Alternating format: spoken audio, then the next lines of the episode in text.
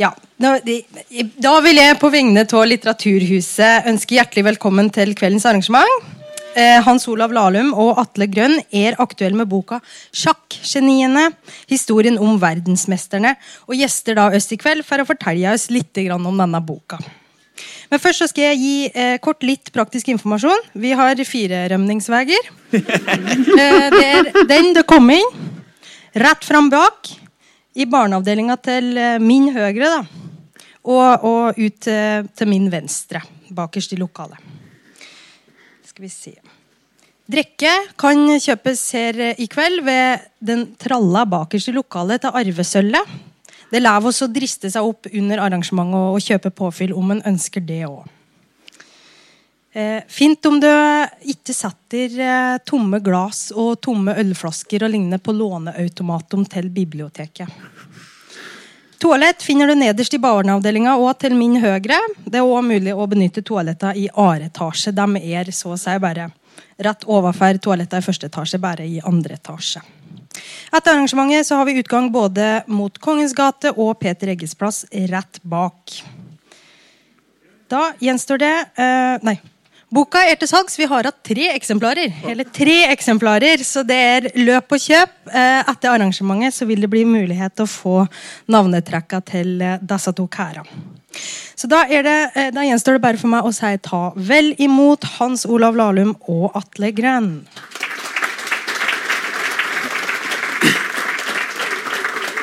Ja, takk, det holder! Ja. Det pleier jeg alltid å si når applausen dør ut uansett. Ja jeg, jeg, godtar faktisk Jeg godtar det at uh, Lahlum uh, kommer først på lista, selv om grønn strengt tatt er vel først i alfabetet. er det ikke sånn?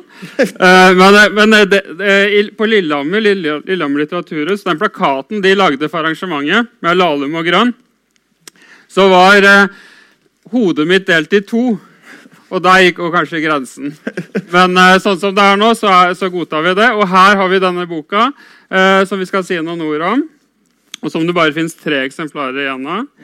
Eh, vi kan kanskje begynne med tittelen. Ja. Det var du som kom på tittelen, var det ikke det? Det var det. Og genibegrepet er noe som, eh, som vi alle er fascinert av. Eh, vi vet ikke helt hva det er, men vi vil gjerne være geniale. Eh, vi, bru vi bruker genibegrepet hele tiden, men det finnes ingen streng vitenskapelig definisjon av det. Og selv om vi snevrer det inn til sjakkgenier, så er, forblir det ganske uklart hva et sjakkgeni er. Eh, og Det var nettopp en sånn tittel jeg ville ha, og det var vår første lille fight i dette bokprosjektet. fordi Hans Olav, som er faren forfatter, sa at Atle, jeg har skrevet mange bøker. Tittelen tar vi alltid til slutt. Nei, sa jeg. Tittelen tar vi nå. Jeg ville ha tittelen på plass, for jeg, jeg ville ha en tittel som ga rom for synsing, som ga rom for morsomme historier, som ga rom for en bok som ikke trengte være strengt vitenskapelig i oppbygningen, selv om vi prøver å holde oss til, uh, til fakta, og disse historiene våre forhåpentligvis er sanne. Så vi endte opp med, med, med tittelen 'Sjakkgeniene'. Uh, og så har vi da tatt oss den frihet å si at de 16 verdensmesterne gjennom 133 år de fortjener betegnelsen sjakkgenier. Vi prøver å begrunne det litt, eh, men vi vet jo at det er andre eh, enn disse 16 som kanskje fortjener betegnelsen enda mer enn noen av de 16. Men sånn er det. Og så fikk du undertittelen Hans Olav, 'Historien om verdensmesterne'. Ja, eh, Vi hadde vel først en undertittel hvor ordet sjakk sto tre ganger, og så endte vi opp med en undertittel hvor ordet sjakk eh, sto ingen ganger. Ja. Eh, men det var da jeg skulle Ja, det er et lite traume jeg kan dele med dere på starten her. I 2009 så var det, var det to bøker som lå kniva på bestselgerlista for det som kalles sakprosa eller fagbøker i Norge. Den ene var da Håkon Lie-biografien min, og den andre var Engleboken til Märtha Louise.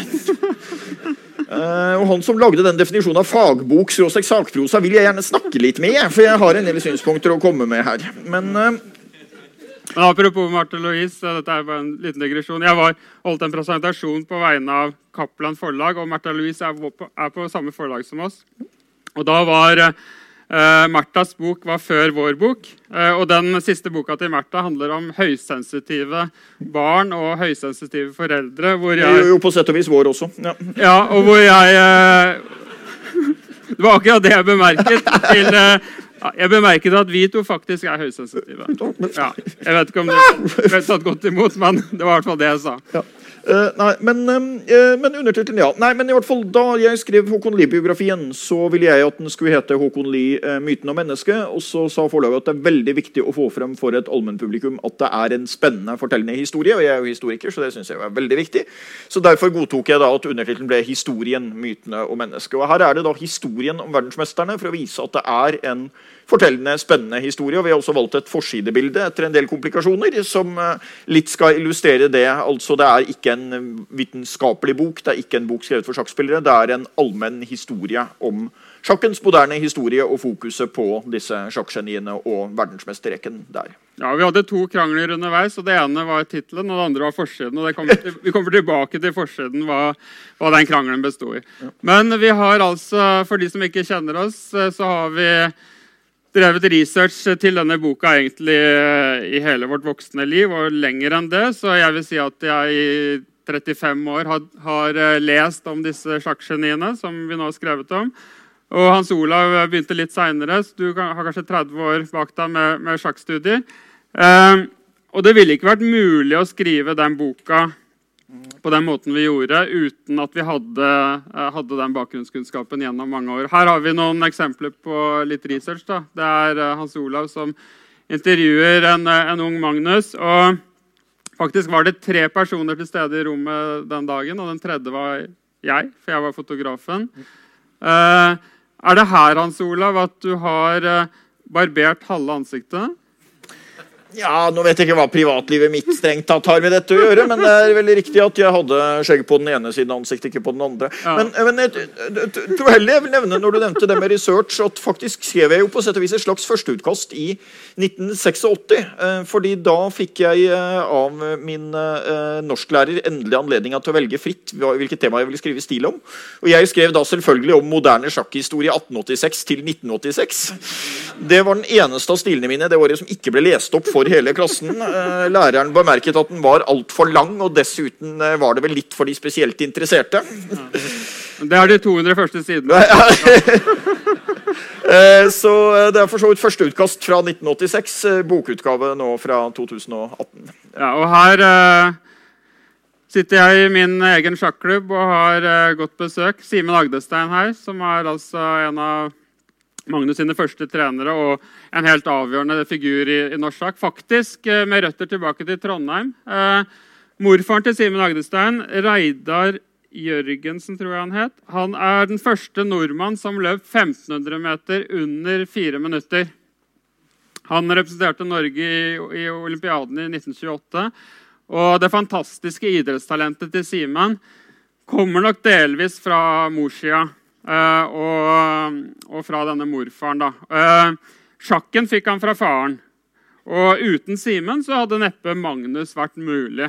Uh, Simen har vært en nøkkelfigur sammen med en annen person fra Trondheim. For uten Arnold Eikrem så ville, ikke, ville ikke Simen vært mulig. Og Arnold Eikrem bodde, hadde en kiosk i Trondheim og bodde i Trondheim, er fra Trondheim og hadde en kiosk her i nabolaget til denne Jørgensen-familien. Arnold Eikrem er den som har eh, arrangert flest sjakkturneringer i Norge. Hans Olav har arrangert en del, men Arnold arrangerte da 178 tror jeg, internasjonale turneringer i Norge fra, egentlig fra 50-tallet og oppover, men de fleste var på 70- og 80-tallet. Eh, og det var de som gjorde at Norge ble en internasjonal sjakknasjon, eh, og som gjorde at vi fikk opp etter hvert Simen Agnestein, og pga. Simen så fikk vi etter hvert også Magnus. Enig, Hans Olav? Skal vi gå videre? Ja, skal vi begynne? Uh, vi må begynne. Og, men uh, ja, vi kan jo begynne med, ja, vi kan begynne med det. Ja, Den er ikke morsom i det hele tatt, men det var alltid idé. Uh, altså, det er en av disse som ikke er et sjakkgeni, og man kan prøve å gjette hvem. men men den, den, er litt artig på noen andre måter. Da. Herren oppe til høyre er jo da en av Atles store guruer, Vasilij Ivansjuk. ukrainsk superstormester. Altså en spiller som har vært helt oppe i, i verdenseliten og på sitt beste spiller ganske genial sjakk. På sitt dårligste så er han veldig lite genial utenfor brettet, tror jeg vi kan si. Og Det er også da et tema vi skal komme litt tilbake til. at Det at man er en genial sjakkspiller, betyr slett ikke at man alltid er intelligent i ulike situasjoner ellers. Dette ble jo illustrert da selvsamme Ivansjuk skulle intervjues på en av de norske sjakksendingene. og hun kvinnelige intervjueren hadde da fortalt han på forhånd at nå får du følgende fire spørsmål når vi kommer på direkten. og Han hadde svart uh, greit, da svarer jeg det og det og det. Og så når de står der på direktesending og hun stiller det første spørsmålet, så svarer han men det har jeg jo allerede svart deg på, jo! og Det var ikke mulig å få forklart han at det var forskjell på direktesending og forberedelser heller, så det ble et særdeles lite mislykket, om en ganske underholdende intervju. Uh, det fins uh, flere eksempler på dette. Det var også en sjakkturnering i Sentral-Europa for en del år siden hvor det var en skandale på hotellet hvor man spilte. Brannalarmen gikk tre ganger på samme kveld. Alle tre gangene fordi den toppreita stormesteren i turneringa hadde røykt på hotellrommet sitt, som var et ikke-røykrom. Eh, og det er også sånn, altså, Når det har skjedd to ganger på samme kveld at hele hotellet er blitt evakuert og at du er blitt kasta ut fordi brannalarmen gikk fordi du røykte på hotellet, det første du tenker når du kommer opp igjen, er ikke 'nå må jeg ha en røyk'. Dette var stress. Altså. Men, eh, så, så, det fins en del eh, fascinerende eksempler. Men før du kommer på viddene her, Hans Olav. Ja. Eh, bare nevne kort da, at Heldigvis for boka så, så tapte jo Caruana den VM-kampen, så vi skriver om 16 og ikke 17. og Det, det, det var et lykketreff for oss. Jeg hadde jeg våknet eh, den dagen Magnus vant omspillet. så den Natta etterpå der så våknet jeg og kaldsvettet. Jeg tenkte herregud, hva hadde skjedd hvis Caruana hadde vunnet? Her har vi nettopp gitt ut en bok om 16 verdensmestere, og så hadde det plutselig vært 17. Eh, så han skal ut. Han er ikke et geni. Men han fyren her eh, Her er det en historie. Fordi Lenge før Hans Olav falt av stolen og ble kjent for dette Håkon Lie-greiene, så fikk han sin første kronikk på trykk i Aftenposten. Og da var det et problem, fordi Aftenposten sa at du må sende et portrettbilde. Eh, og Hans Olav ble desperat. Han ville jo veldig gjerne ha denne kronikken på trykk, men han hadde ikke noe bilde. Og han kjente én person som eide et fotoapparat, og det var meg. Så du ringte meg, og jeg tok dette bildet. Og dette var da det offisielle bildet av Hans Olav i mange år, inntil forlaget sa, eh, sa, eh, satte foten ned og sendte en uh, ordentlig fotograf. Det jeg syns er, er, aller kulest med det bildet, og som jeg ennå ikke har skjønt helt, Hans Olav, det er at du var så utrolig fornøyd med det bildet. og, da, og da lurer jeg på hva du egentlig hadde forventet. Men vi kan vel si det sånn at når, eh, når, eh, man eh, utnevner en person til fotograf fordi han eier et kamera, så er kanskje ikke forventningene sånn ekstremt store fra start. Men uh, vi må starte, ja, og for at ikke dette skal skli helt ut, så gir jeg deg litt tid her. Ja. Uh, så du har 25 minutter fra nå. Ja. Uh, arbeidsdelingen på denne boken det er jo slik at det er en, vi, vi, har jo én forfatter som liker å skrive om alt som er gammelt, og så har vi en som liker å skrive om alt som er russisk. og etter litt krangling frem og tilbake så kom vi på den geniale planen for arbeidsdelinga på denne boka at kanskje eh, den som liker alt som er russisk, kunne skrive førsteutkast på alle som er russere.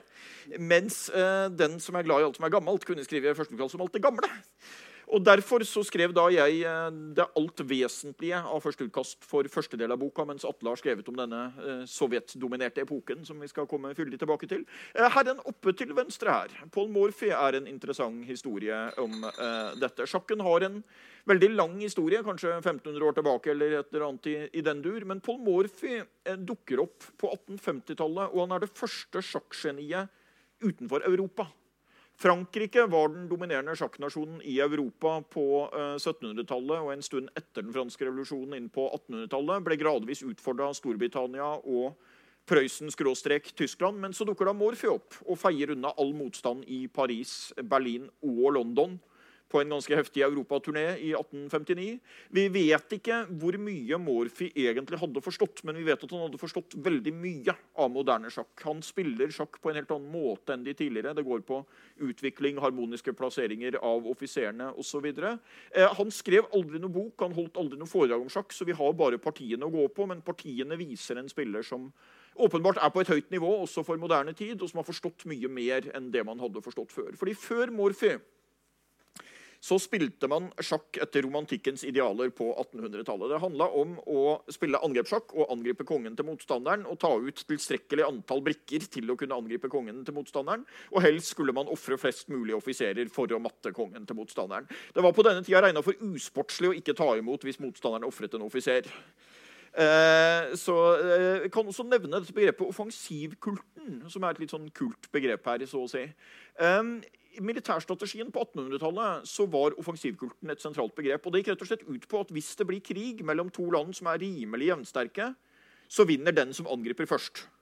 Og Hvis noen synes det høres helt idiotisk ut, så er det helt rett. Eh, den er for lengst forelda, eh, men man spilte sjakk på den måten. Det handler om å angripe og komme først på skuddhold av motstanderens konge, og man utkjempet kriger på den måten.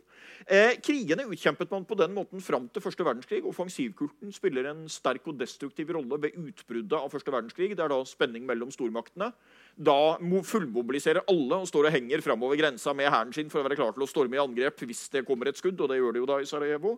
Eh, men i sjakken eh, av litt eh, årsaker vi nå skal komme til, så forsvant offensivkulten noen tiår før det. Og da er vi på den første offisielle verdensmesteren. Morphy knuste all motstand og spilte aldri sjakk mer og ble det første av disse eksentriske sjakkgeniene som trakk seg tilbake. Og det var i 25 år eh, av hans liv. Han døde midt på 1880-tallet så var det store spørsmålet kommer Morphy en gang tilbake. og Er han like god som han var? Han kom aldri eh, tilbake. Han møtte denne mannen ved én anledning på et gatehjørne i USA. og Det var en ganske sjokkerende opplevelse for denne mannen. Han avbrøt møtet etter noen minutter. Morphy var blitt et fullstendig nervevrak og nekta å snakke om noe som hadde med sjakk å gjøre. Men denne mannen er altså Wilhelm Steinitz, den første offisielle verdensmesteren. den første av de 16. Født i gettoen i Praha, det som den gang var Østerrike-Ungarn. Eh, jødisk familie. Jeg kan nevne at han fikk dramatisk forbedra sine muligheter til å utvikle seg som sjakkspiller på begynnelsen av 1850-tallet. fordi Da opphevet man i Praha det såkalte passforbudet, eh, som da gikk ut på at jødene ikke fikk forlate den jødiske gettoen. Og de måtte gå med pass overalt de gikk. og, så videre. Da det ble oppheva, kunne han gå inn i kafeene i de bedre spilte delene av Praha og spille sjakk om eh, penger på kafeene, som han i veldig stor grad gjorde den gang. Eh, han viste å være et formidabelt stort sjakktalent. Eh, dro til Wien for å studere matte. Det ble mye mer sjakk enn matte. Det var ikke siste gang i historien det skjedde, for øvrig. Men Steinitz er ikke bare den første verdensmesteren. Han er kanskje den svakeste spilleren blant verdensmesterne, men han er mannen som utvikler sjakkteorien på en eh, sterkere måte enn noen andre. Altså, han hadde definitivt forstått det Morphy kanskje hadde forstått. At sjakk er ikke et rent romantisk angrepsspill. Det handler om å utvikle brikkene til fornuftige posisjoner, skaffe seg en god bondestruktur, eh, bygge opp stillingen før man angriper. Og sentralt her også er denne eh, læren om at man kan akkumulere små fordeler, altså samle opp ulike små fordeler til en avgjørende fordel. Eh, Steinitz vant sjakkpartiet på en ekstremt provoserende måte for tiden. Han tok bønder! Og Det var regna for å være på kanten til usportslig, særlig hvis hensikten var å vinne et langt parti. Så Steinitz tok bønder, og så begynte han å forsvare seg. Og når motstanderens angrep uh, ut, så, så vant han sluttspillet. og Det var regna for grovt usportslig, og han var jo av jødisk avstamning, så begrepet grisk jødesjakk dukket også ganske fort opp eh, knytta til eh, Steinitz, som da er tidens ledende sjakkvitenskapsmann, tidens ledende sjakkjournalist, og kanskje den første profesjonelle sjakkspilleren. Han regnet seg for verdensmester fra 1866, da han vant en match over 14 partier. For øvrig i kontrast til den siste VM-matchen med Carlsen og Caruana, så var det da en match over 14 partier uten remispartier. Eh, som jo kan illustrere litt hvordan man spilte på det tidspunktet. Det var før Steinitz begynte å utvikle disse moderne posisjonsteoriene sine. Eh, men han regnet seg for verdensmester fra da og tapte aldri en match eh, senere. Men han spilte turneringer litt til og fra. I lange perioder skrev han mer om sjakk enn han spilte sjakk. Og... og det var andre spillere som på 1880-tallet vant turneringer foran ham. Det er en, en, litt sånn komisk episode fra 1883, tidenes kanskje så langt sterkeste turnering i London hvor Steinitz da ender tre poeng bak, eh, eh bak eh, Zuckertort, en av de store romantiske angrepsspillerne for tiden.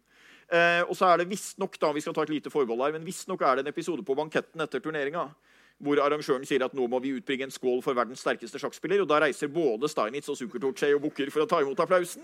Og Det var visstnok omtrent da man kom på at vi burde kanskje få et offisielt verdensmesterskap med VM-kamper. egentlig. Og Steinitz var i stor grad pådriveren for at det ikke skulle være turnering, men kamp mellom to verdens beste antatte spillere og spille mange partier mot hverandre. Muligvis inspirert av boksingen, som etablerte en lignende verdensmestertittel kort tid uh, før. Uh, mesteren har tittelen. Han kan velge selv når han vil forsvare den, og hvem han vil forsvare den mot. Eh, men han mister tittelen hvis han taper den. Og pengene var ganske sterkt inne her. I 1886 eh, betegnes det jo som en sånn der eh, sjakklig idékonflikt, eller hva man nå skal, kulturkollisjon, eller hva man skal kalle det. Det er da posisjonsspilleren Steinitz som kommer dårlig ut, ligger klart under mot den store romantiske angrepsspilleren Zuckertort. Men Zuckertort får trolig helsemessige problemer underveis. Steinitz vinner i stor stil, og det ble med rette eller urette, nok mest med urette, feira som den moderne posisjonssjakkens eh, seier over denne gamle, romantiske eh, angrepssjakken. Eh, positivisme Han som gikk nå, det er vår største fan. Han har vært på flere foredrag. Han kommer tilbake. Eh, positivismen er jo et kjent begrep fra, fra vitenskapsteorien på denne tida. Eh, og Steinitz var på sett og vis et barn av den. Steinitz prøvde å finne det beste trekket i enhver stilling. Han var en selvlært vitenskapsmann, eh, og han ønsket å være både sjakk, eh, sin tids ledende sjakkforsker og sin tids ledende spiller. Det handla om å finne det objektivt beste trekket. I 1894 er han som vanlig i pengeknipet. Eh, Det var han stadig vekk. Han har vunnet et par-tre VM-kamper til i mellomtiden. Han stiller opp for dårlig forberedt mot en langt yngre motstander han undervurderer, og han taper da VM-tittelen. Og det blir en ganske trist slutt på livet til Wilhelm Steinitz. Han fortsetter å spille utover 1890-tallet. Når han da ved en anledning ble spurt om han ikke hadde fått nok heder og ære, så svarte han til har mer enn nok heder og ære, men jeg trenger helt desperat penga. Eh, Det ble færre og færre pengepremier utover 1890-tallet. Hans siste offentlige opptreden i 1900 sitter han i en park i New York og spiller sjakk mot seg selv. Eh, Han hevder at han spiller mot Gud, og at han vinner selv om Gud får starte med en bonde mer. Eh, og da har det jo eh, unektelig løsnet litt. Det var ikke det siste sjakkgeniet det skjedde med heller. Han døde på et sinnssykehus kort tid senere. Her har vi da arvtakeren, og det var et generasjonsskifte, men vi holder oss på tyskspråklig område. Vi holder oss på jødisk avstamning. Emanuel Lasker kom da fra Tyskland, eh, oppadstigende ny eh, stormakt, og han kommer til å bli mannen som holder VM-tittelen lengst 27 år. Disse 27 årene Lasker var verdensmester, de skjuler en eh, noe ujevn frekvens, kan vi si. Fordi etter å ha detronisert Steinitz, så spilte han ikke VM-kamper på ti år. Og Så spilte han seks VM-kamper på fem år, og så spilte han ingen VM-kamper på ti år. Eh, sånn at eh, Det er altså to tiårsperioder i denne lange VM-perioden hvor han ikke spiller VM-kamper og ikke forsvarer tittelen. Men det sier noe om hvilken posisjon sterke menn hadde eh, på den tiden. da, at det var, Han definerte også systemet. Det var utfordreren som måtte klare å hoste opp eh, premiepenger og eh, skaffe sponsorer. Det var det ikke alle som kunne. Og han la seg til en ganske interessant uvane med at eh, det var bedre å spille mot en kanskje ikke så god spiller som hadde en stor sponsor, enn å spille mot en veldig god spiller som ikke hadde en stor sponsor. Eh, og Han vinner da flere av disse VM-kampene, veldig klart, og det er kontroverser med flere veldig sterke spillere som ikke får spilt VM-kamp mot Lasker fordi de ikke får skrapt sammen eh, premiepengene. Eh, Lasker var økonomibevisst, og han var, selv om han kanskje ikke kan se sånn ut, så var han tro det eller ei, en veldig praktiker. Og han er på mange måter mannen som introduserer psykologien i eh, sjakken. Steinitz hadde ønsket å finne det beste, objektivt beste trekket i enhver stilling. Lasker sa at det er ikke et objektivt beste trekk i veldig mange stillinger. Det kan være flere omtrent like gode trekk, og det kan til og med være at det trekket som ikke er objektivt best, er det beste trekket å spille mot han der, som sitter på den andre siden av brettet nå, og som jo ikke liker å forsvare seg. La oss angripe ham litt og se hva som skjer. Selv om det egentlig ikke er et sunt angrep, så er det ikke sikkert han kommer til å forsvare seg så godt. Og det fungerte ganske bra. Det ble til og med hevdet at han bevisst spilte dårlige trekk for så å si å, å psyke ut motstanderen. Eh, Steinitz hadde ønsket å være verdens største sjakkgeni. Lasker ønsket å være verdens største geni. Det er jo noen nyanser mellom der. Eh, han ønsket å være verdens beste sjakkspiller og bridgespiller og matematiker og filosof. Jeg tror vi kan si at det gikk best med sjakken. Eh, selv om han holdt et høyt internasjonalt nivå i alle de tre andre disiplinene. Så har han sine opp- og nedturer. Støtter Tyskland i første verdenskrig. Eh, blir da persona non grata i Storbritannia og USA, to veldig sterke sjakknasjoner etter det. Og det ender opp med et veldig typisk Laskers kompromiss, hvor han da går med på å spille en siste VM-kamp hvor alle egentlig regner med at han vil tape tittelen, noe han da også gjør. Men det står da i kontrakten for kampen at han får den største pengepremien uansett resultat i kampen. Eh, og det blir da en eh, for så vidt etter forholdene verdig avvikling av tittelen etter tidenes lengste periode der. Lasker gjorde sporadiske comeback og spilte opp på topp 10 i verden til han nærmet seg 70, men fikk også en dramatisk avslutning. Han måtte, var jøde da, måtte først rømme fra Tyskland, rømte til Sovjet, så var det jødeforfølgelser der, og så rømte han videre til USA. Og sine siste år livnærte han seg som, og det er jo tragisk skjebne for en sjakkspiller, som bridgelærer i USA. Um, da. Så var det en ny mann, nytt kontinent eh, til og med. Eh, José Raúl Capablanca, en av de store heltene i eh, cubansk sportshistorie fortsatt. Og han er et sjakkgeni med stor S og G. Spiller ekstremt intuitiv sjakk og har klare likhetstrekk til Magnus Carlsen 100 år senere. Capablanca var ikke noe glad i å trene, var ikke noe glad i å lese sjakkbøker, men var veldig glad i å spille sjakk og veldig glad i å vinne sjakkpartier. Så han spilte seg rett og slett opp og hadde en helt utrolig intuitiv sjakkforståelse. En fantastisk evne til å kaste fem blikk på stillinga og så ramse opp en sånn 30-trekksplan som vant partiet som ingen andre eh, kunne se. Så var han da et stort øyeblikk for Cuba, hvor han ble en slags nasjonalhelt. da han jo beseiret alle de eh, amerikanske spillerne og andre toppspillere og vant eh, VM. Han ble en ganske tilbakelent verdensmester da han endelig fikk tittelen. Han måtte vente ganske lenge på å få VM-kamp pga. første verdenskrig. og sånt. Eh, dette illustreres av en episode i en av toppturneringene på 1920-tallet, hvor Capablanca da leder så klart når det er fem runder igjen at han får for seg at for ikke å påvirke kampen om andreplassen, så skal han spille remis mot alle sammen han har igjen. Eh, og Det topper seg da når han da spiller mot en av spillerne som kjemper om andreplass i turneringen. og Så bemerker han over bordet at hvis du gjør flere dårlige trekk nå, blir jeg nødt til å vinne dette partiet. Altså. Eh, dette var da før ratingens tid, og førstepremien var jo sikret uansett. Og det var en svært, eh, Her ser vi han jo eh, her som vidunderbarn i Havanna på 1890-tallet.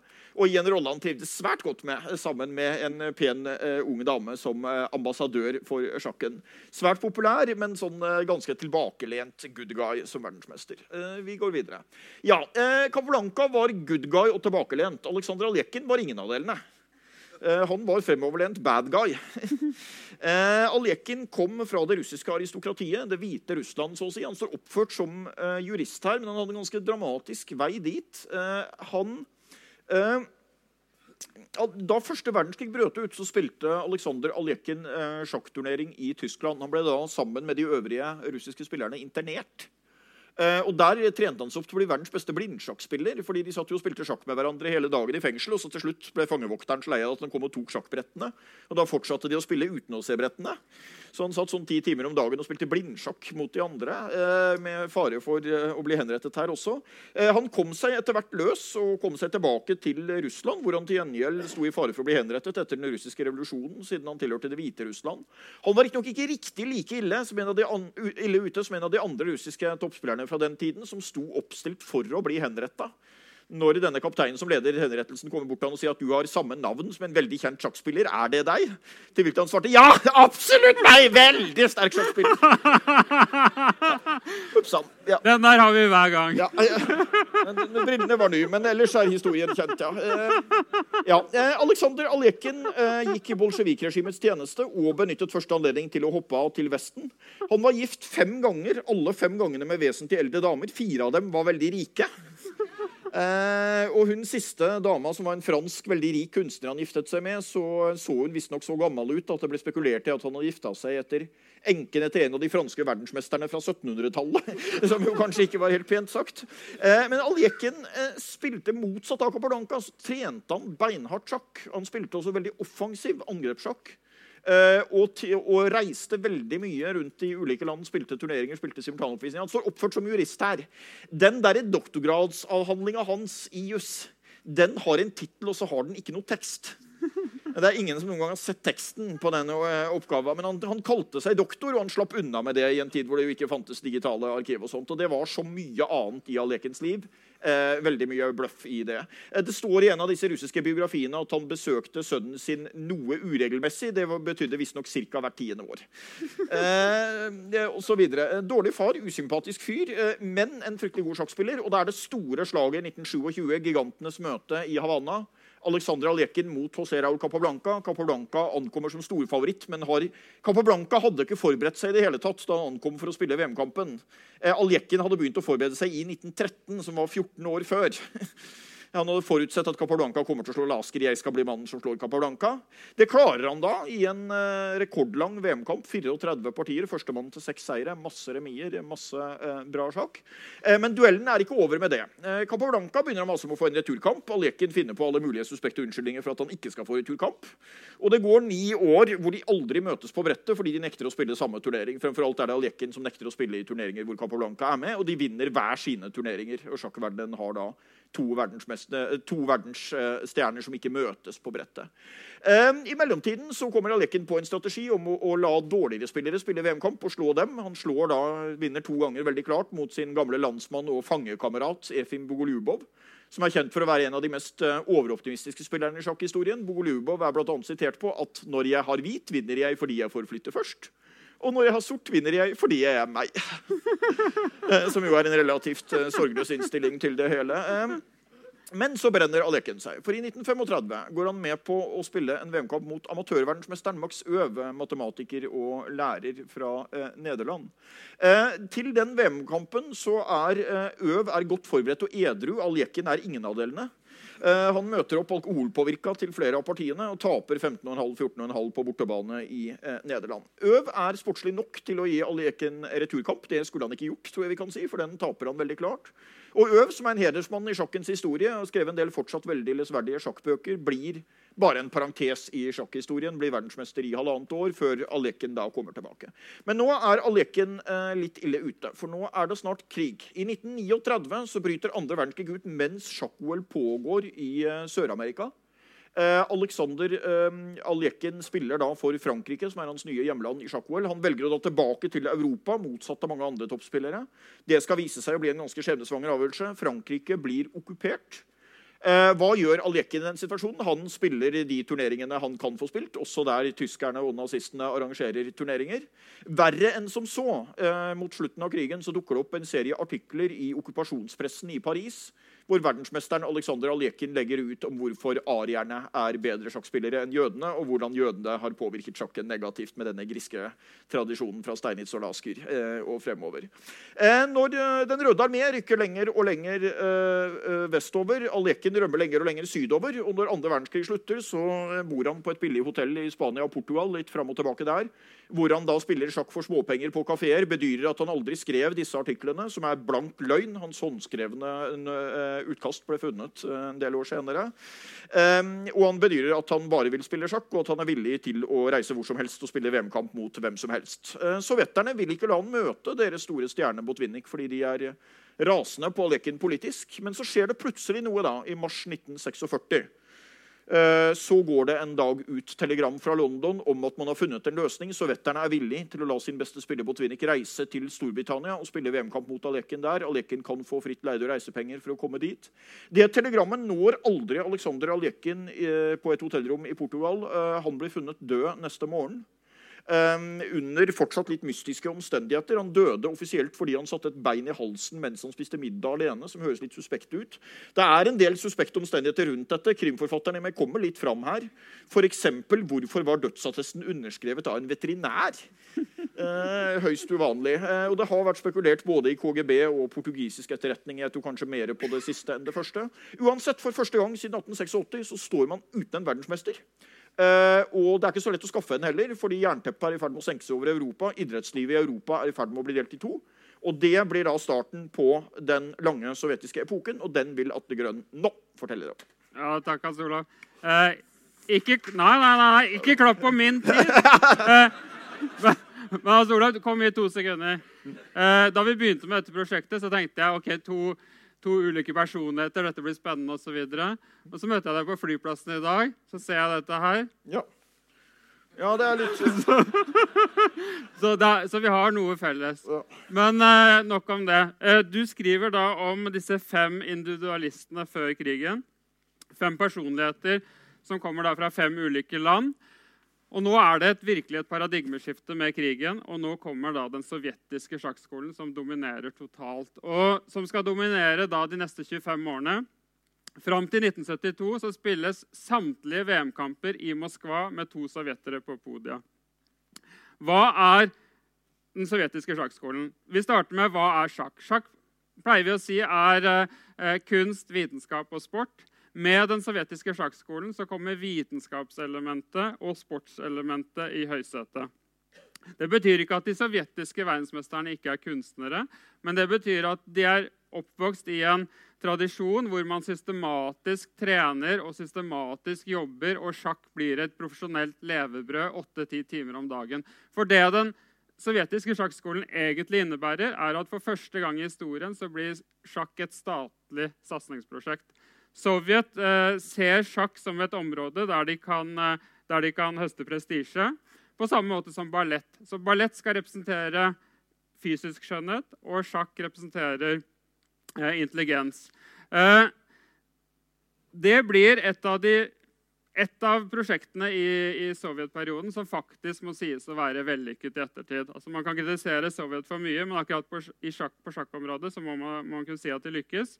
Eh, og så er jo da spørsmålet hvordan oppsto egentlig dette her. Og da er det interessant å merke seg at Lenin eh, var en veldig sterk sjakkspiller. Han kom fra en ordentlig sjakkfamilie, og faren til Lenin var, var meget meget sterk. Men også Lenin, eh, Lenin hadde holdt et veldig høyt klubbnivå. Eh, men av forståelige grunner så hadde Lenin en liten tid til, eh, til sjakk. så Sjakken tok ikke av etter revolusjonen. Snarere tvert imot så var, eh, lå sjakken faktisk nede etter revolusjonen. Og det var en ganske barbarisk symbolsk handling da rødegardistene gikk inn i, i, i sjakklubben i, i St. Petersburg og dekapiterte kongen og dronningen symbolsk på brettet. Eh, så sjakken lå egentlig helt nede fram til midten av 20-tallet. For Stalin, som var en svakere sjakkspiller enn Lenin, han skjønte hvilket enormt propagandapotensial det lå i sjakken. Eh, og Jeg har vært i Stalins eh, dacha i Sotsji, hvor han har eh, tolv rom. tror jeg, og Der har han ett rom som bare er viet sjakk. Så Selv om han var en sjakk, svak sjakkspiller, så så han at sjakken hadde et voldsomt potensial. og Da valgte Stalin å sende sjakkmateriell i milliontall ut til fabrikkene og ut, til, uh, ut på landsbygda. Det var mange tanker bak dette. her. En, en tanke var å få uh, det russiske folket til å drikke mindre og bruke fritida heller på sjakk. Uh, og Den som skulle bli ledestjernen for denne utviklingen, da, det er Botvinnik, som er den store sovjetiske verdensmesteren. Han var verdensmester i, i 13 år i en 15-årsperiode med noen avbrudd. som vi skal se. Han hadde noe felles med Lasker, nemlig at han eh, ønsket å være et universalgeni. Eh, Botvinnik var en pioner innenfor datavitenskap og en av de første ved siden av Alan Turing som lagde en eh, datamaskin som kunne spille sjakk.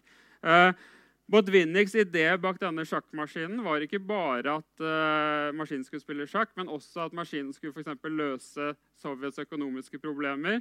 Og Han gikk så langt at han hadde håp om at denne sjakkmaskinen faktisk også skulle kunne løse f.eks. Palestina-Israel-konflikten. Uh, Botvinnik hadde en enorm tro på egne, egen fortreffelighet. Uh, han var jøde. Uh, likevel så var han stalinist, uh, gammelkommunist. Men han var han var en spesiell type som, uh, som, turte å snakke Stalin midt imot, uh, selv, om var, selv, om han var, stalinist. han fikk et problem i 1952 da Stalin startet oppropet mot de jødiske legene. Og Botvinnik, som var veldig prinsipiell, nektet å underskrive. og Det var selvsagt veldig farlig. og så løste det seg veldig bra 6.3.1953, da Stalin døde. Så han ble reddet av det, eh, og ingen vet hva som kunne ha skjedd. Eh, Botvinnik kalles da patriarken. Her ser vi ham. Patriarken og grunnleggeren av den, av den sovjetiske sjakkskolen. Eh, her ser vi ham med en liten, liten svartmusket gutt fra Baku, hovedstaden i Aserbajdsjan, i Kaukasus. Denne gutten her hadde Botvinnik veldig tro på. Han het Harry Weinstein. Men Botvinnik, som selv var jøde, mente at Weinstein var et uh, navn som var altfor jødisk, og, og rådet da denne gutten til å finne et annet navn. Uh, dessuten så var det et enormt handikap at han kom fra Aserbajdsjan. Uh, det han da gjorde, var å ta navnet til moren, som var Kasparjan. Alle armenske navn slutter på Jan. Og så russifiserte han det navnet, og så ble det Garry Kasparov. disse to representerer da det beste fra den sovjetiske sjakkskolen i hver sin ende. Det at de fikk et så godt forhold, er interessant på mange områder. Eh, det er ikke minst interessant fordi de var så veldig forskjellige politisk.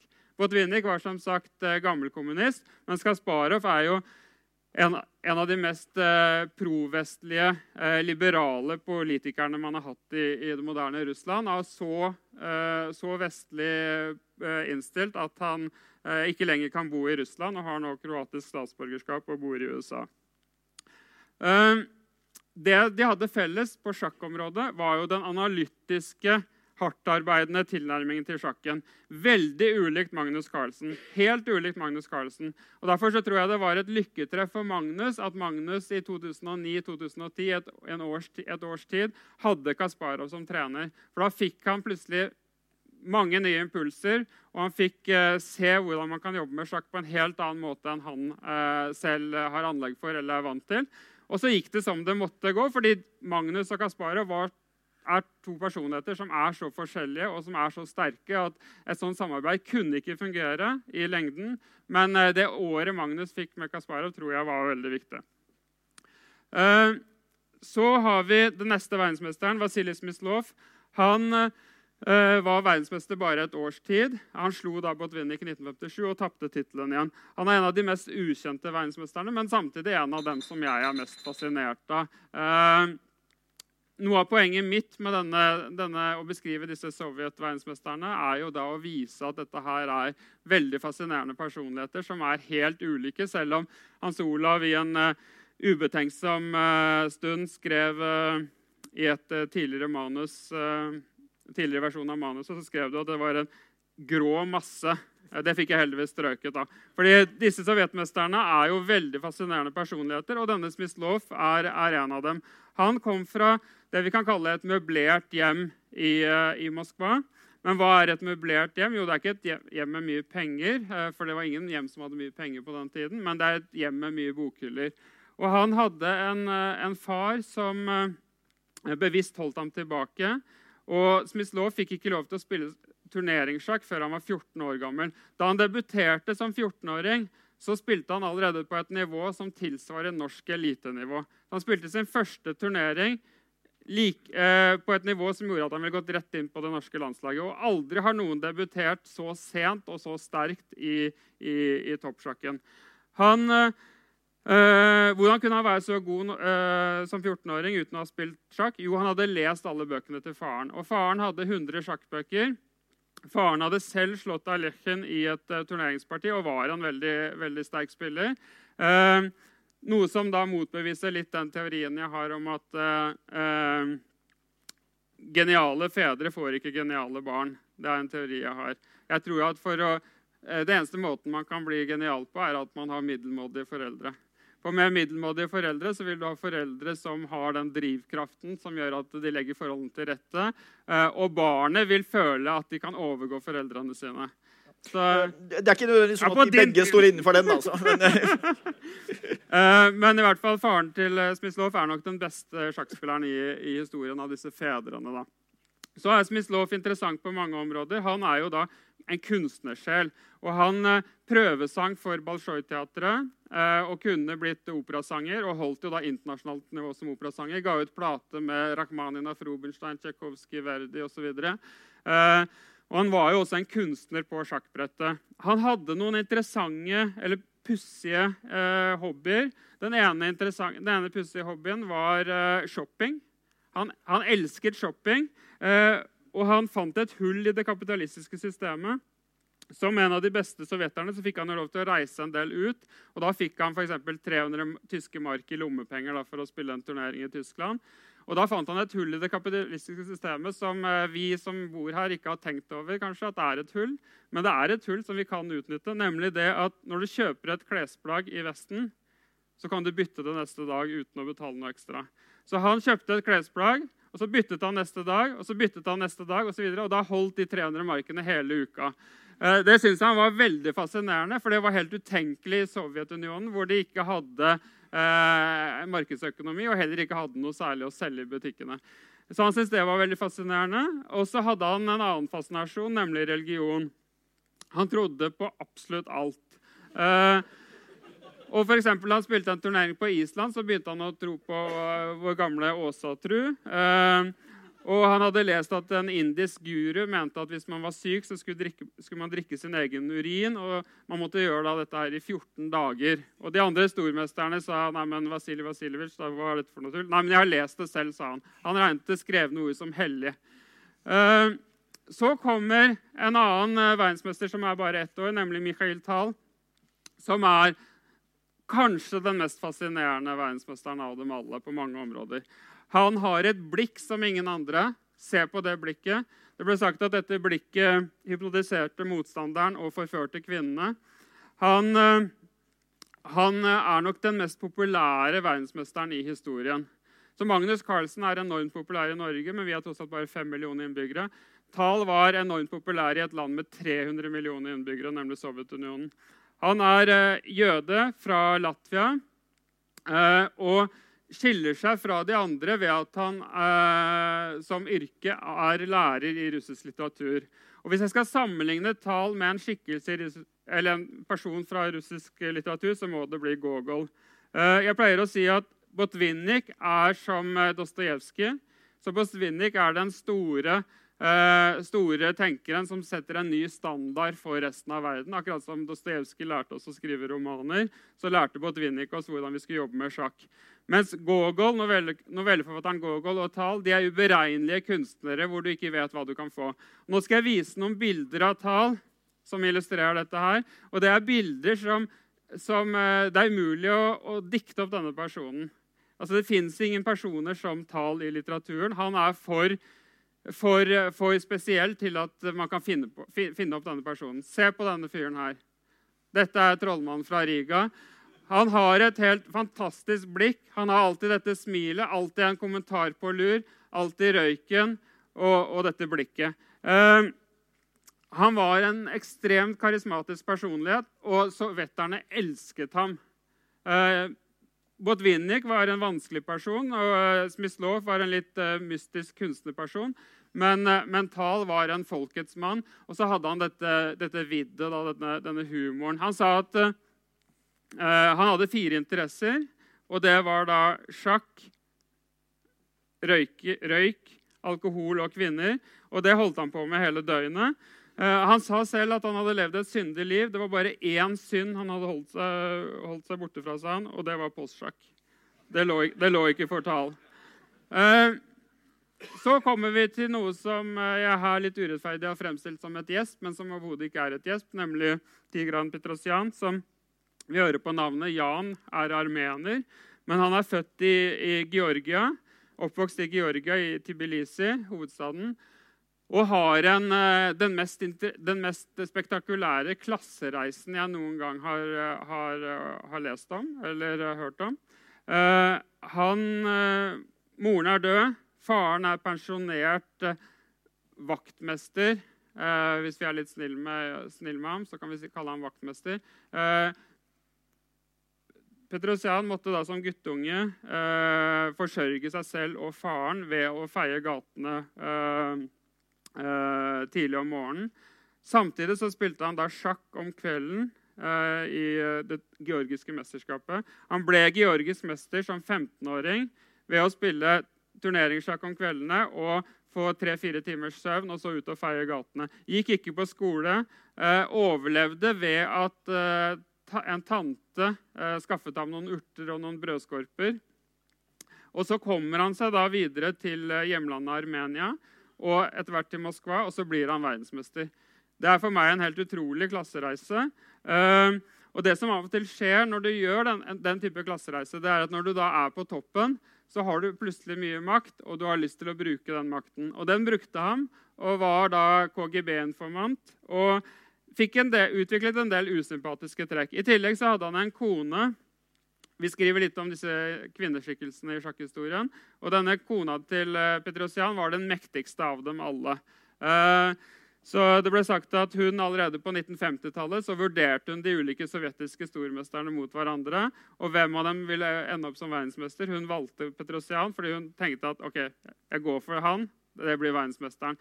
Men eh, Petrosian og kona ble et veldig mektig par i, i, i internasjonal sjakk. Eh, så kommer den femte av disse sovjetiske verdensmesterne, nemlig Spassky.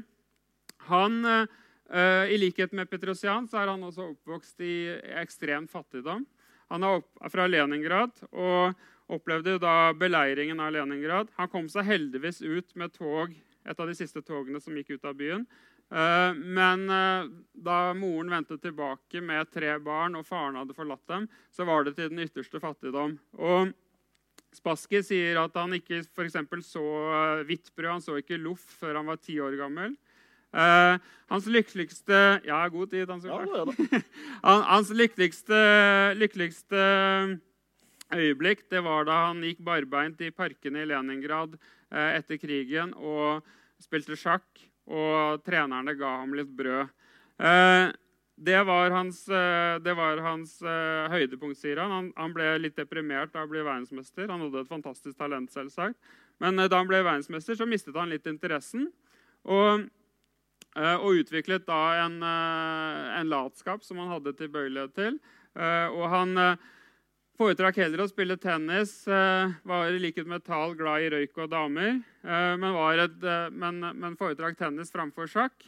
Og denne latskapen ut, viste seg også ved at han aldri skrev et eneste ord, selv om han faktisk var journalist. Alle disse sovjetiske verdensmesterne måtte ha et måtte ha et sivilt yrke fordi de skulle representere da, det beste fra den sovjetiske arbeiderklassen. Og da måtte de også ha et ordentlig arbeid. Så han har femårig journalistutdannelse, men har aldri skrevet et eneste ord. Og Da kan du få gå over til eh, neste kamerat her. Ja, eh, Vi kan kanskje legge til at eh, et fornøyelig sitat fra Spaske er jo hvor han da bemerket at jeg kjemper hver eneste dag mot min egen latskap. Dessverre vinner den de fleste dagene. Min favoritt blant sovjeterne var jo på mange måter han som ikke var verdensmester, Keres, som alltid kom fra Estland, hadde en brokete historie fra krigen, alltid ble nummer to når de spilte VM-kvalik. Og så ble han mot slutten av livet en dag spurt var det virkelig slik at du alltid var uheldig i de avgjørende øyeblikkene, eller fikk du ikke lov til å bli verdensmester? Og da svarte Keres at jeg var uheldig. Det var Estland òg. Så det lå mye også interne motsetninger i Sovjet under der. Men Fischer, ja. Oppvokst på skyggesiden av det amerikanske eh, samfunnet. En eh, eksentrisk eh, eh jødisk mor som han fikk et ganske i beste fall ambivalent forhold til. En far som ikke var der, som nok var sterkt savna. Fischer hadde visstnok 180 IQ da han var sånn 10-12 år. Han la alle eggene i en kurv eller hva man skal si, og brukte alt på sjakken. Eh, droppa tidlig ut av eh, skolen, pressa økonomi, alle mulige problemer. Han ble eh, stormester som så langt yngste da han var 15 år i 1958, og ganske kort tid senere oppretta sovjeterne et sånt Stopp Fischer-kontor som skulle eh, utrede Fischer og være forberedt på å stoppe den åpenbare trusselen han utgjorde mot det sovjetiske hegemoniet og VM-tittelen. De fikk uventa hjelp av Bobby Fischer, fordi han boikottet utover 60-tallet eh, VM-syklusene i delvis berettiget, men også bare delvis berettiget protest mot at han mente systemet var for rigga i, i favør av uh, sovjetspillerne. I 1970, da han er blitt verdens beste turneringsspiller, får han plutselig for seg at han skal spille VM. Amerikanerne betaler ut en annen spiller som var kvalifisert for at Fischer skulle komme inn. Han knuser all motstand, vinner 6-0 i semifinalen og uh, og kvartfinalen i VM. Knuser Petrosjan 6,5-2,5 i finalen og vinner tidenes mest omtalte VM-kamp i eh, Reykjavik mot eh, Boris Spassky, som på det tidspunkt var eh, lett demotivert slik. Og Det er på en måte geniets ultimate vei opp da, i en mann som utfordrer hele den store sovjetiske sjakkmaskinen og vinner. Så ble han på en rar måte lei, han også. Fischer kom aldri til å forsvare VM-tittelen da han. Han spilte ikke mens han var verdensmester. Da han måtte forsvare tittelen i 1975, så stilte han 179 nummererte krav for å forsvare tittelen. Han fikk bare innfridd 178, og da trakk han seg i protest. eh, eh, og Paradoksalt nok kunne han med det også sikra økonomien sin for resten av livet. Det var, ville blitt tidenes så langt best betalte idrettsarrangement. Det var snakk om 5 millioner dollar i pengepremie, som Fischer sa nei til. Eh, han glir gradvis ned i fattigdom utover 70-tallet og 80-tallet. Spiller ikke noe mer sjakk, som han stadig får tilbud om å gjøre comeback. Det er mange fattige hvite menn i Regens USA på 80-tallet. Det spesielle med Fischer er at han når som helst kan bli søkkrik ved å spille sjakk, men det vil han ikke gjøre. Eh, han gjør endelig et comeback 20 år senere og vinner det han hevder er en returkamp mot Boris Pasky. Uh, som beviste at Fischer fortsatt var en sterk sjakkspiller, men tilsa at han ikke lenger var helt oppe i eh, verdenseliten. Etter det kom han aldri til å spille mer. Han fikk en veldig brokete livshistorie. Uh, det er en sånn Han ble etter hvert anti alt mulig. Det var en det var en litt sånn illustrerende episode som Atle likte så godt at vi tok den med i boken. Det er Begynnelsen av 2000-tallet så har Fischer kjæreste i Japan. og Det er en veldig pinlig episode i en japansk kino hvor de viser en sånn historisk film med japanske fly som bomber eh, de amerikanske eh, marine- og flyvåpenet på Pearl Harbor. Og Da er det én mann i salen som roper 'Jippi den satt!' Og det er da Fischer som er den eneste hvite i salen. Eh, eh da 11. september-angrepene kom, eh, så rykket han ut med en støtteerklæring til 11. Eh, og bemerket også at det USA trenger nå, er et militærdiktatur som er villig til å ta de nødvendige grep og henrette noen hundre tusen jøder. Eh, etter det så ble han persona non grata i USA eh, og levde landflyktig og endte alle ting opp som politisk flyktning på Island, hvor han døde i 2008, selvfølgelig i en alder av 64 år. Og Dermed gikk hegemoniet tilbake til sovjeterne, som Atle nå vil fortsette å fortelle om. Ja, takk. Jeg skal bare nevne et par ting om Fischer. Han, han bodde faktisk i Ungarn en periode, i Budapest. og bodde da hos familien til eh, Judith Polgar. Og Judith Polgar er den mest interessante kvinneskikkelsen i sjakkhistorien. Eh, og en som vi skriver ganske mye om. En, en helt fantastisk historie, det. og så kan jeg jo nevne da at dette var et av de forsidebildene vi krangla litt om. Dette var mitt forslag, som Hans Olav ikke likte. og så hadde Hans Olav et enda dårligere forslag. Og så endte vi heldigvis med et kompromiss som, som begge kunne stå inne for. Men ok, tilbake til uh, den sovjetiske perioden. For så forsvarer jo ikke Fischer uh, uh, tittelen sin. Og Karpov, Anatolij Karpov får da tittelen uten spill i 1975. For første gang så har det sovjetiske regimet en perfekt verdensmester. De har en ren russer fra Uralfjellene med perfekt proletarbakgrunn og en person som gjør alt det riktige, og som sier alt det riktige. Så her ser vi illustrerende nok Karpov sitter og spiller, og eh, ungkommunistene har eh, pent og pyntelig eh, satt seg på, på, benkene for å følge med. Så dette var eh, dette var eh, sjakkens gullalder på mange måter i, i Sovjetunionen. Eh, Sovjet i seg selv var kanskje i en krise på 70-tallet, men sjakken var, på sjakkområdet fungerte alt, uh, alt, pent og pyntelig. Og Karpov, i likhet med de andre verdensmesterne, han måtte også, ha civil, et sivilt yrke. og Han ble da økonom og brukte ti år på en masteroppgave med tittelen 'Fornuftig utnyttelse av fritid under sosialismen'. Ehm, men han endte da i hvert fall med denne masteroppgaven og tittelen økonom. Og selv så var han ganske god til å bruke fritiden sin. Han ble jo verdensmester i sjakk. Og i tillegg så bygde han opp en frimerkesamling som det sies eh, skal ha en verdi på 100 millioner kroner. Uh, som er en av verdens beste frimerkesamlinger. Og så kommer jo da ja, Ta denne her også. Uh, hvem skal ut-oppgaven. Så her har vi disse russerne. Den late Spassky, Karpov, Kasparov. Botvinnik, født i 1911. Tal, født i 1936. Så Tal er 25 år eldre, men Tal levde litt hardt. Uh, og så har vi et bilde her som jeg syns er fantastisk, og som vi har med i boka. og Dette her er uh, en uh, russisk sjakkfotograf, Baris Talmatovskij, som har vært Russlands ledende sjakkfotograf i 50 år, og som jeg kontaktet i forbindelse med boka. og Han ga oss en del unike bilder som vi har brukt i boka. Uh, dette bildet fra 2004 syns jeg er fantastisk av to grunner. Det ene er at fotografen hadde sånn teft. For det, det, andre er det sier noe om Magnus' sin posisjon allerede da. Så dette er 2004. Lille Magnus kommer til Moskva, og fotografen samler alle verdensmesterne som er i Moskva, til dette bildet. Karpov, Spassky og Smyslov. Uh, så det er helt et helt unik, uh, unikt historisk uh, bilde, vil jeg si. Så kommer da denne fantastiske personligheten uh, Gari Kasparov, som jeg har snakket litt om, og som faktisk klarer da å detronisere Karpov. Og det er den, for meg den mest imponerende enkeltbragden i sjakkhistorien at han kommer fra Aserbajdsjan, Baku. Har alle odds mot seg. Her sitter Karpov i Moskva med regimet i ryggen. Og så blir han utfordret av denne rebellen på bare 21 år fra, fra Aserbajdsjan. Med en bakgrunn som, som, er eh, så uspiselig som den kunne være, nemlig med armensk mor. Og dere skal vite da at aserbajdsjanerne hatet armenerne. Eh, og med jødisk far.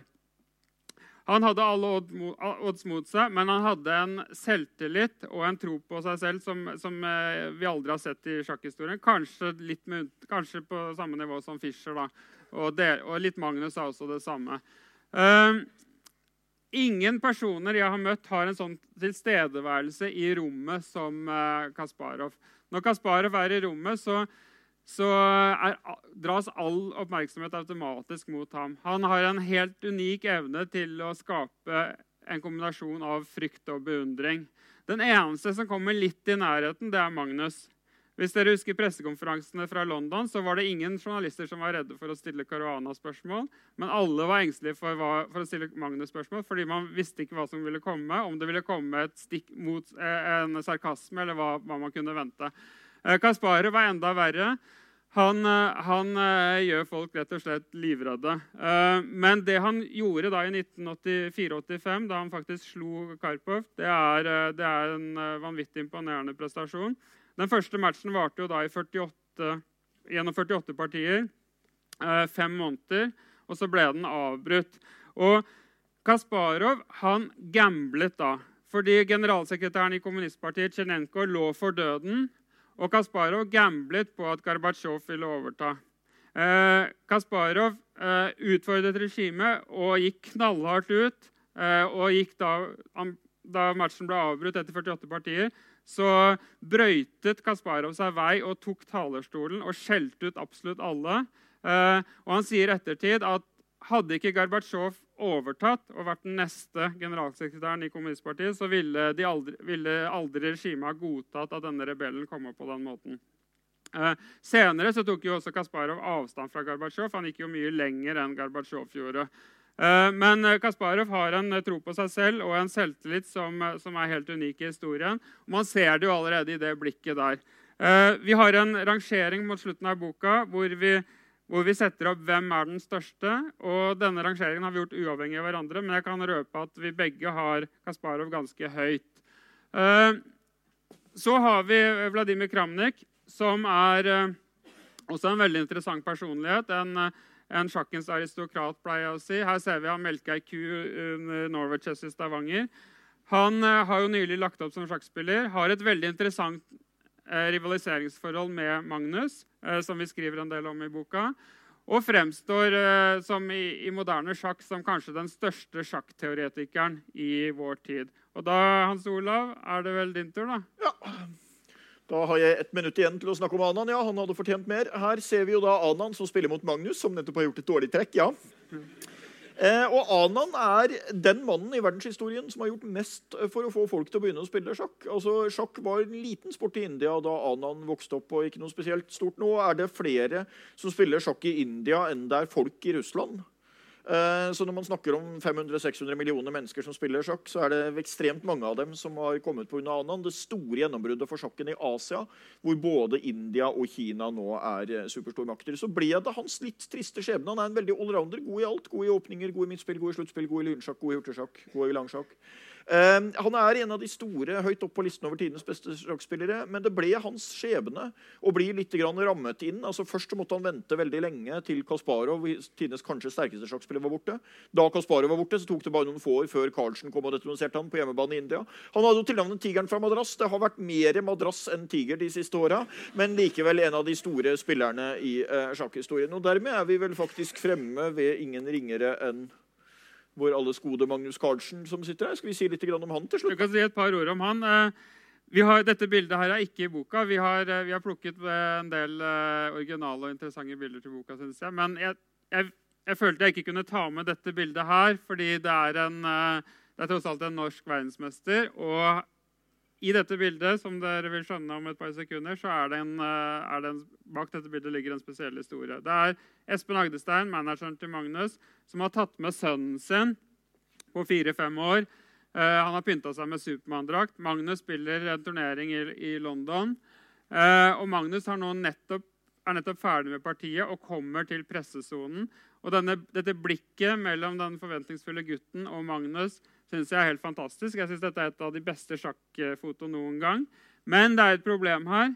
Magnus har tapt.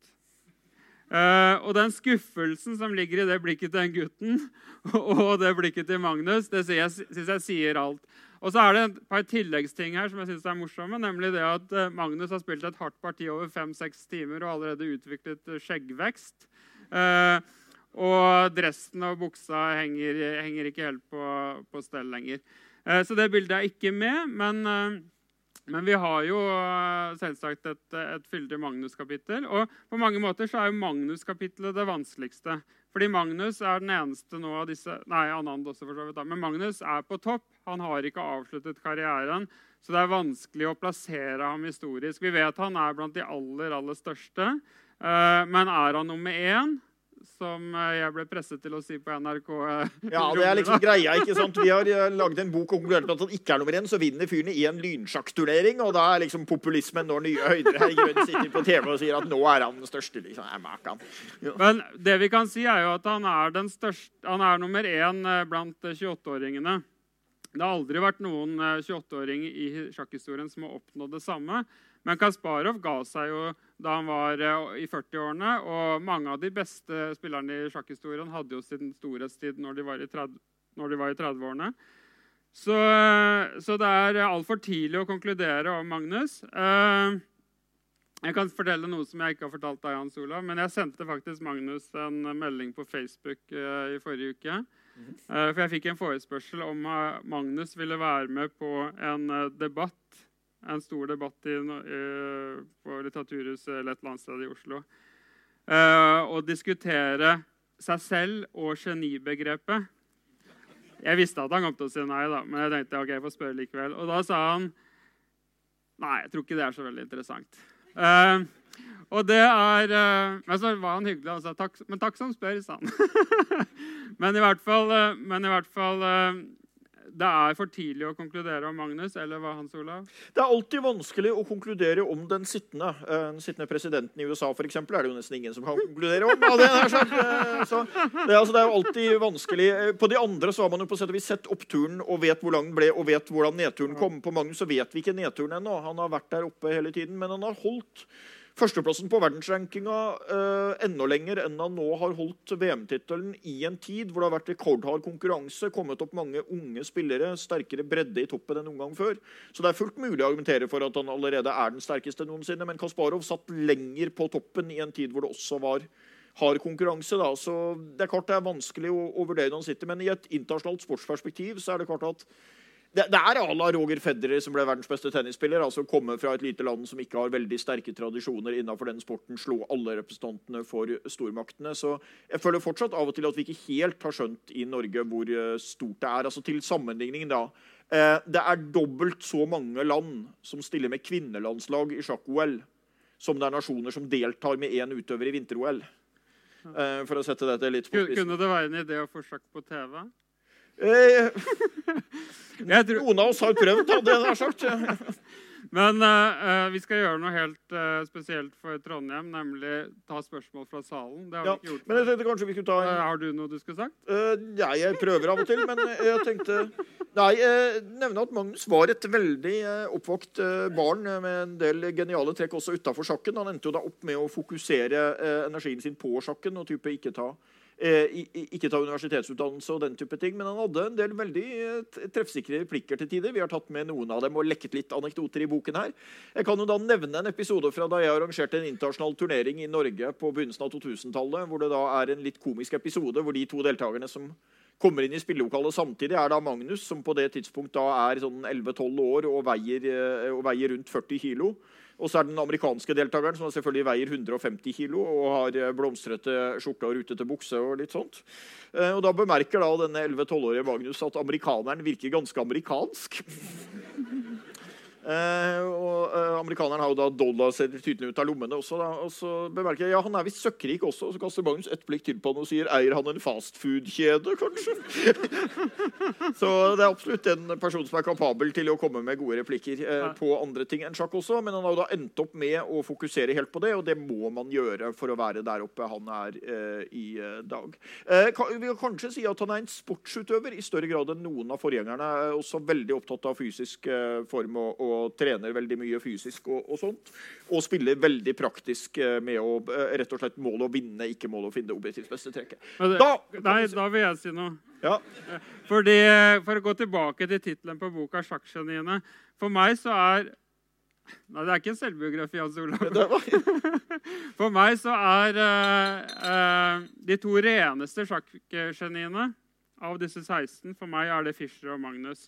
Eh, ikke fordi de er de beste, men fordi de er helt udugelige til alt annet enn sjakk. Eh, det er litt slemt sagt, for det er klart at Magnus er en eh, veldig begavet fyr som kunne brukt talentet sitt på mange områder. Men sannheten er at Fischer og Magnus har satset 100% bare på sjakken.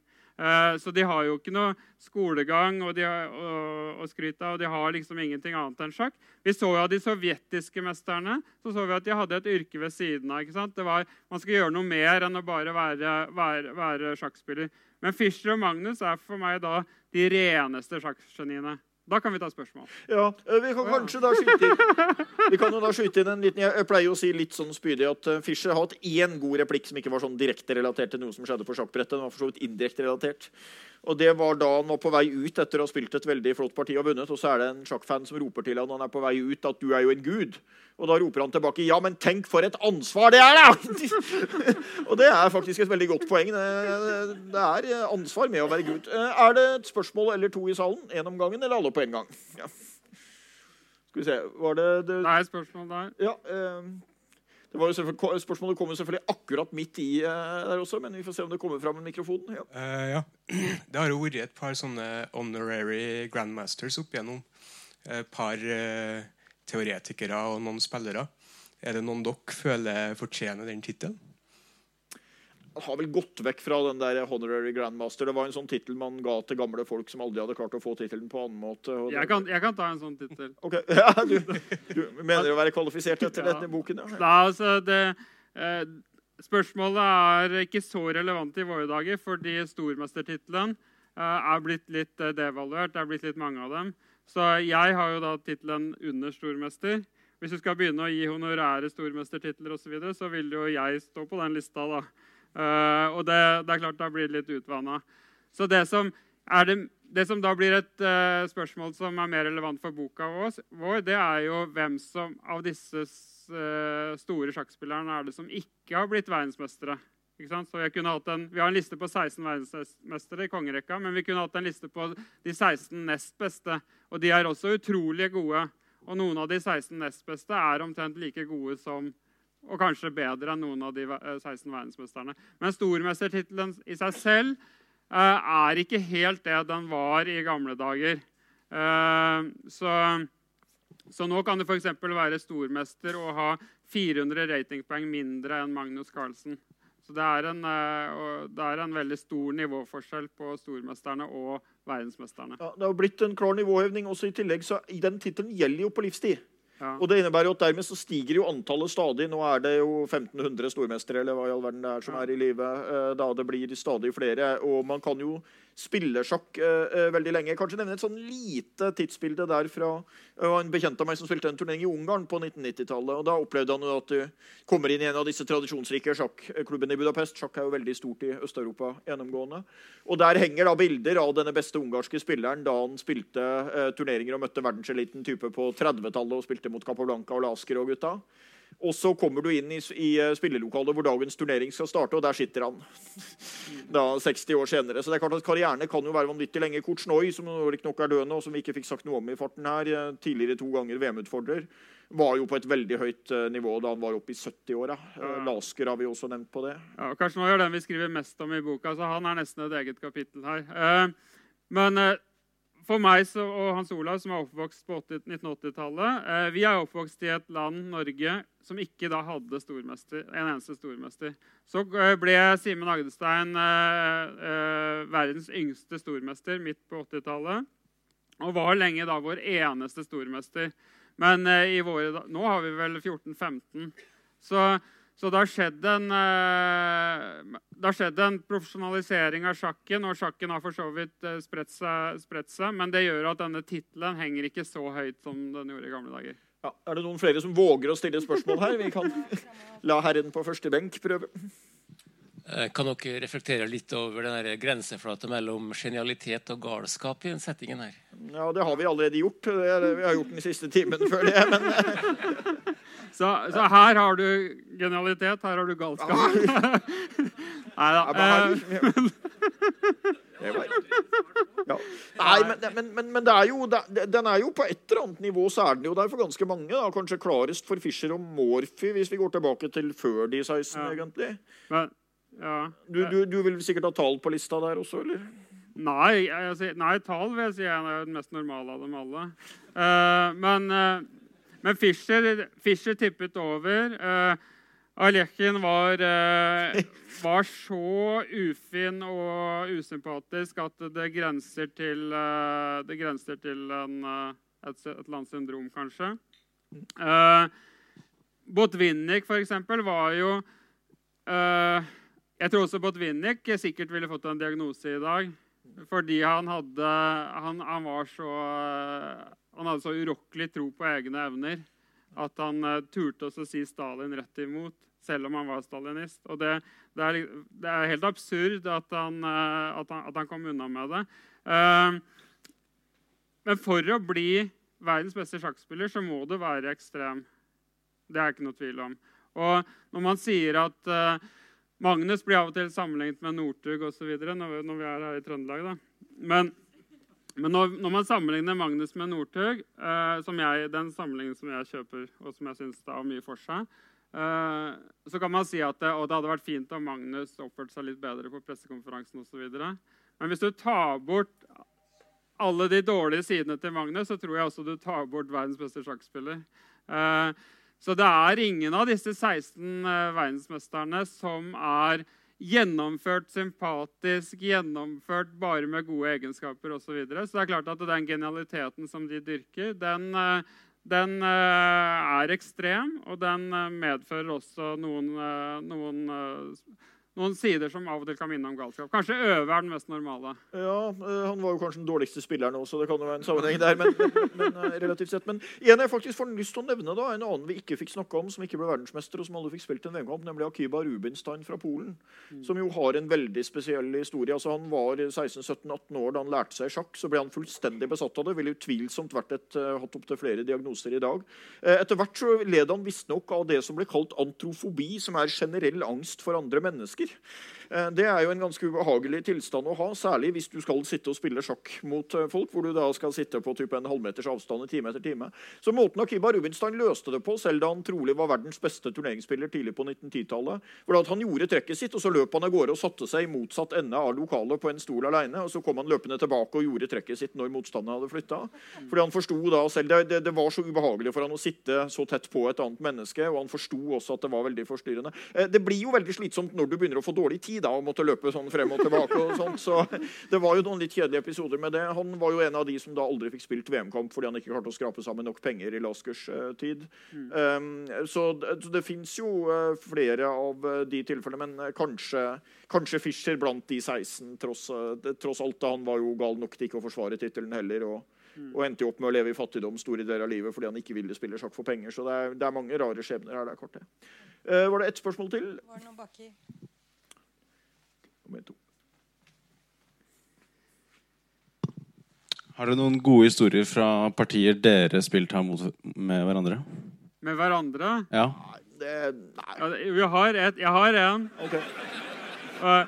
Nei, men det er eh, Hans Olav liker ikke den historien, men siden du spør uh, Jeg nevnte den for deg en gang, og du ville ikke vedkjenne deg den. selv om du har god hukommelse, Men du kan bekrefte den og, eller avkrefte den. Men jeg, jeg husker den i hvert fall sånn at vi, vi møttes i eh, NM i Kristiansund i 2001. Det stemmer. Det stemmer, ja. Uh, og så uh, var jeg klar favoritt til det partiet. Og, men Hans Olav hadde en veldig heldig uke. Og, og annet Ledet alene etter fire runder. ja, på, et annet, på et eller annet tidspunkt så skjønte du at du kunne få remis i det partiet mitt. Og da du fikk remis, så gikk du helt berserk. Eh, du eh, fikk et, fikk et Du kom, kom opp med et helt medisinskap som eh, Stemmer dette her? Nei. Nei, ok. Du forveksler meg med en eller annen du spilte mot før eller, før eller etter. Men, det, Det var en god historie, var det ikke ja, det? ja. men altså, sånn fram til den der medisingreia på slutten, så var det for så vidt sånn rimelig riktig. eh, da. Men eh, nei, jeg vet ikke. Vi spilte uavgjort i NM i hurtigsjakk en gang, hvor jeg tilbød remis, og hvor du svarte så overraskende. Det er jo kanskje Og det var det for så vidt heller ikke, så, eh, så eh, Nei, men det, jeg vet ikke. Vi kan jo kanskje Jeg, jeg, jeg har mer lyst til å nevne at jeg har to remier på to forsøk mot Magnus. Han var da så stor de gangene jeg møtte han. Men jeg har da ikke tenkt å møte han flere ganger, så på den måten holder jeg min 50 %-score. Det var, vi, vi var visstnok et spørsmål til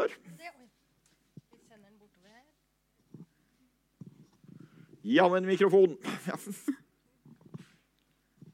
Hallo. hallo. Det er egentlig to kjappe spørsmål. Det ene kan jeg sikkert finne ut hvis jeg leser boka deres. Um, den, de 16, er det her over enhver tvil at det er de 16? Ble ikke han Topalov eller noe sånt, verdensmester i et annet forbund? Det, det var det ene, ene, spørsmålet. Det andre var det med at i media så har det vært litt sånn spekulasjoner om, om Magnus eh, kommer til å vil forsvare og spille og, og rykke og spille den neste VM-kampen. Ja. Om to eller om ett og et halvt år. Tror dere noe på det? Det første spørsmålet så dette, dette er det, den, eh, de 16 som kalles kongerekka. Da, som er, eh, men, er klart, men, du har rett i at det er litt uklart med forbund osv. Og, så og det var Kasparov som innførte, eller som gjorde at dette her ble litt uh, grumsete. Uh, I Bulgaria så regnes Topalov som en av de 17. Så I Bulgaria så har de 17 verdensmestere, og det er argumenter for å ta med uh, Topalov i den rekka. Uh, men, uh, men, det er også argumenter for å ikke ta med. Og, og, vi har da, I Vesten så er de fleste holder seg til de 16. Uh, det andre spørsmålet om Magnus faktisk er truende, troende til å ikke forsvare tittelen, det er et interessant spørsmål. De færreste av det tror vel det. Men, men, han er spesiell, og han er lunefull. Så jeg, jeg, føler meg aldri helt trygg på ham. Hva sier du, Hans Olav? Eh, vi kommer til å få se Magnus spille veldig mye mer sjakk. Du kan komme til å få se at han på et eller annet tidspunkt eh, vrir oppmerksomheten enda mer over mot hurtigsjakk og lynsjakk, som han jo viser stadig større glede ved. Eh, han har jo også hatt noen synspunkter på selve VM-formatet som jo har vært ganske kontroversielle. Eh, men jeg tror at han kommer til å forsvare tittelen. Han sa noe litt om det nå når han holdt på å miste førsteplassen på verdensranking. At det er liksom blitt en del av min identitet at jeg er verdensmester og verdens høyeste rettede sjakkspiller. Og, eh, han hater jo å tape. Jeg tror ikke han eh, kommer til å gi den fra seg. Men, men, om han sitter der At han på et eller annet tidspunkt kan komme til å gi seg på toppen, det tror jeg ikke man skal se bort fra. Jeg, jeg, jeg møtte Henrik Karlsen på skitur i Nordmarka utenfor Oslo. Og da hadde vi en veldig fortrolig samtale. Så, som, nå, eh, men, eh, som, nå, bare blir delt med 150 trøndere og meg? Ja. Og en podkast. Men, eh, men eh, en ting jeg lærte av den samtalen, og som jeg for så vidt har visst, da, men som er litt sånn skremmende å tenke på det er, Du kan tenke deg at Magnus 2020, ny VM-kamp. tre uker til VM-kamp.